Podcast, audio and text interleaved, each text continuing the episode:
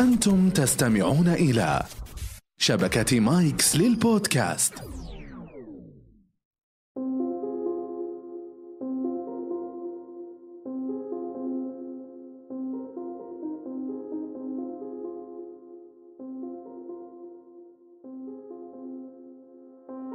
كما أن للسيارة سرعة فأيضا حديثك وإلقائك له سرعة هل تعرف ما هي سرعتك الإلقائية؟ إن شاء الله تعالى في هذه الحلقة سوف نخبركم بالطريقة حتى تعرف ما هي سرعتك الإلقائية ثم تعرف هل أنت مسرع ويحتاج أن تقلل من سرعتك الإلقائية أو أنت بطيء ويحتاج أن ترفع من السرعة. كونوا معنا.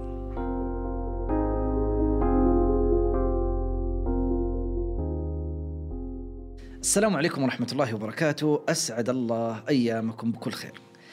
أهلا وسهلا في عالم الإلقاء، ذكرنا الكثير من المعلومات في الحلقات السابقة وأشعر بأنها معلومات مهمة، كيف تجذب الناس أثناء حديثك، ما قاعد تتحدث لمدة ساعة، في لحظة من اللحظات أريد أن أقول لهم هذه المعلومة القادمة مهمة، أخذنا أربع طرق تعطي الإنسان فرصة لأن يستخدم هذه المهارات ويقول يا ناس ترى هذه المعلومة مهمة وفعلا في هذه اللحظات إن شاء الله تعالى سوف ينجذبوا إليك. تحدثنا أيضا عن لغة الجسد كيف تكون وكيف تقف بشكل صحيح وكيف تستخدم إيماءات اليد؟ كلها أحاديث أيضا كانت مهمة.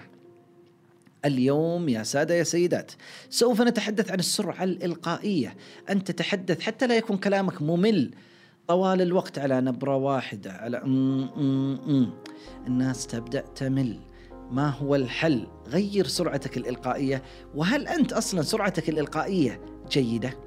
هل أنت أصلا تلتزم بمعيار السرعة الذي توصل إليه الخبراء؟ الخبراء عملوا العديد من الدراسات النفسية وأيضا في علم الاتصال وغيرها.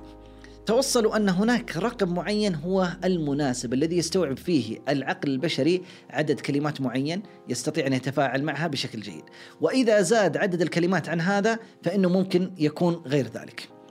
طيب خلونا نبدأ أول شيء كيف أعرف سرعتي الإلقائية؟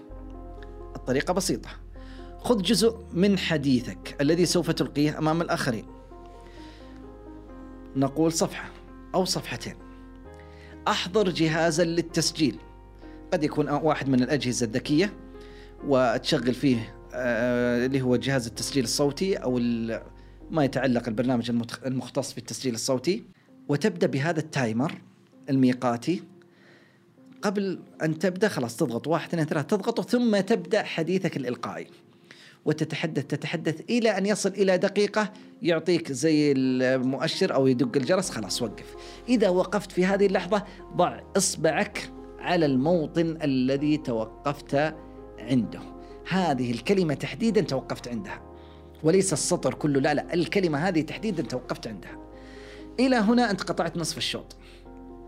ألقيت لمدة دقيقة نص مكتوب وليس نص ارتجالي مكتوب أمامك ثم عندما انتهت الدقيقة وضعت إصبعك ووضعت دائرة على هذه الكلمة الخطوة الثانية هي أن تبدأ تحسب عدد الكلمات التي تم إلقائها من خلال الأسطر. تبدأ تأخذ كلمة كلمة واحد اثنين ثلاثة أربعة. دائما كل سطر يتراوح في حدود ثمانية كلمات أكثر أو أقل بقليل.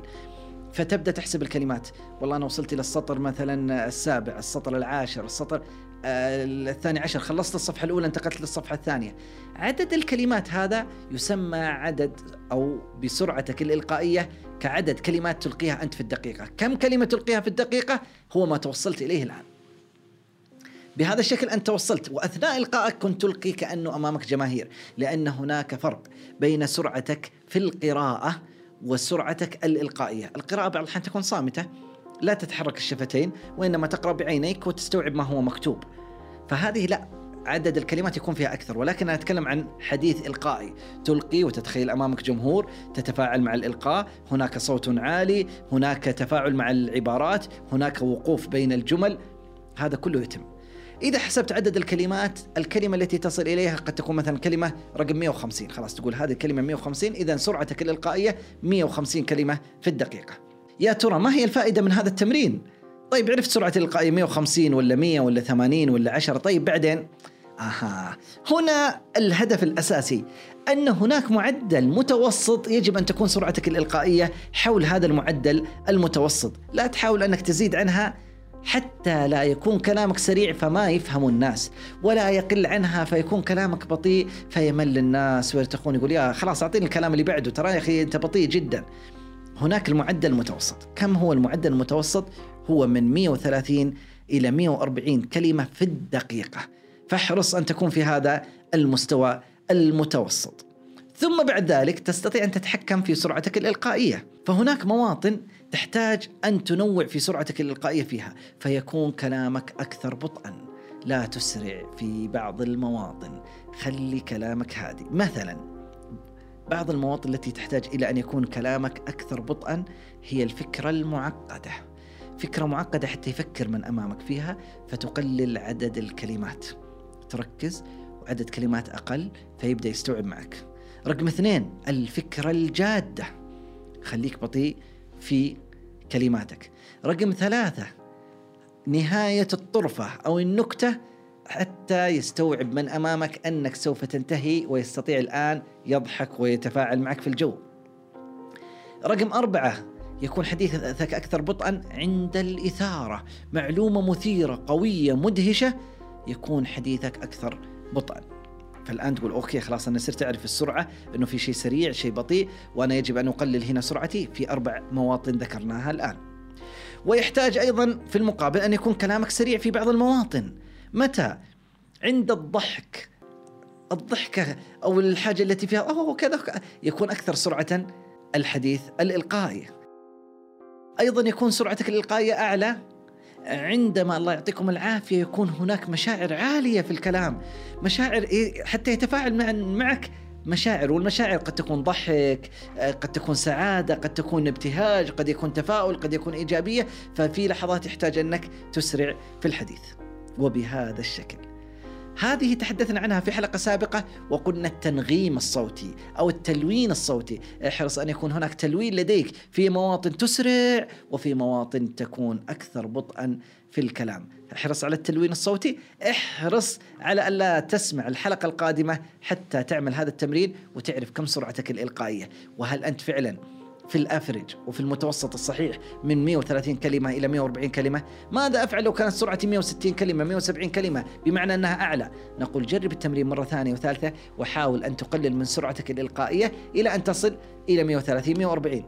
ماذا لو كانت سرعتي منخفضة جدا؟ 70 80 كلمة في الدقيقة. نقول حاول أن تسرع أكثر في إلقائك حتى تصل إلى هذا المعدل الطبيعي. دمتم في حفظ الله والتوفيق حليفكم إن شاء الله تعالى. السلام عليكم.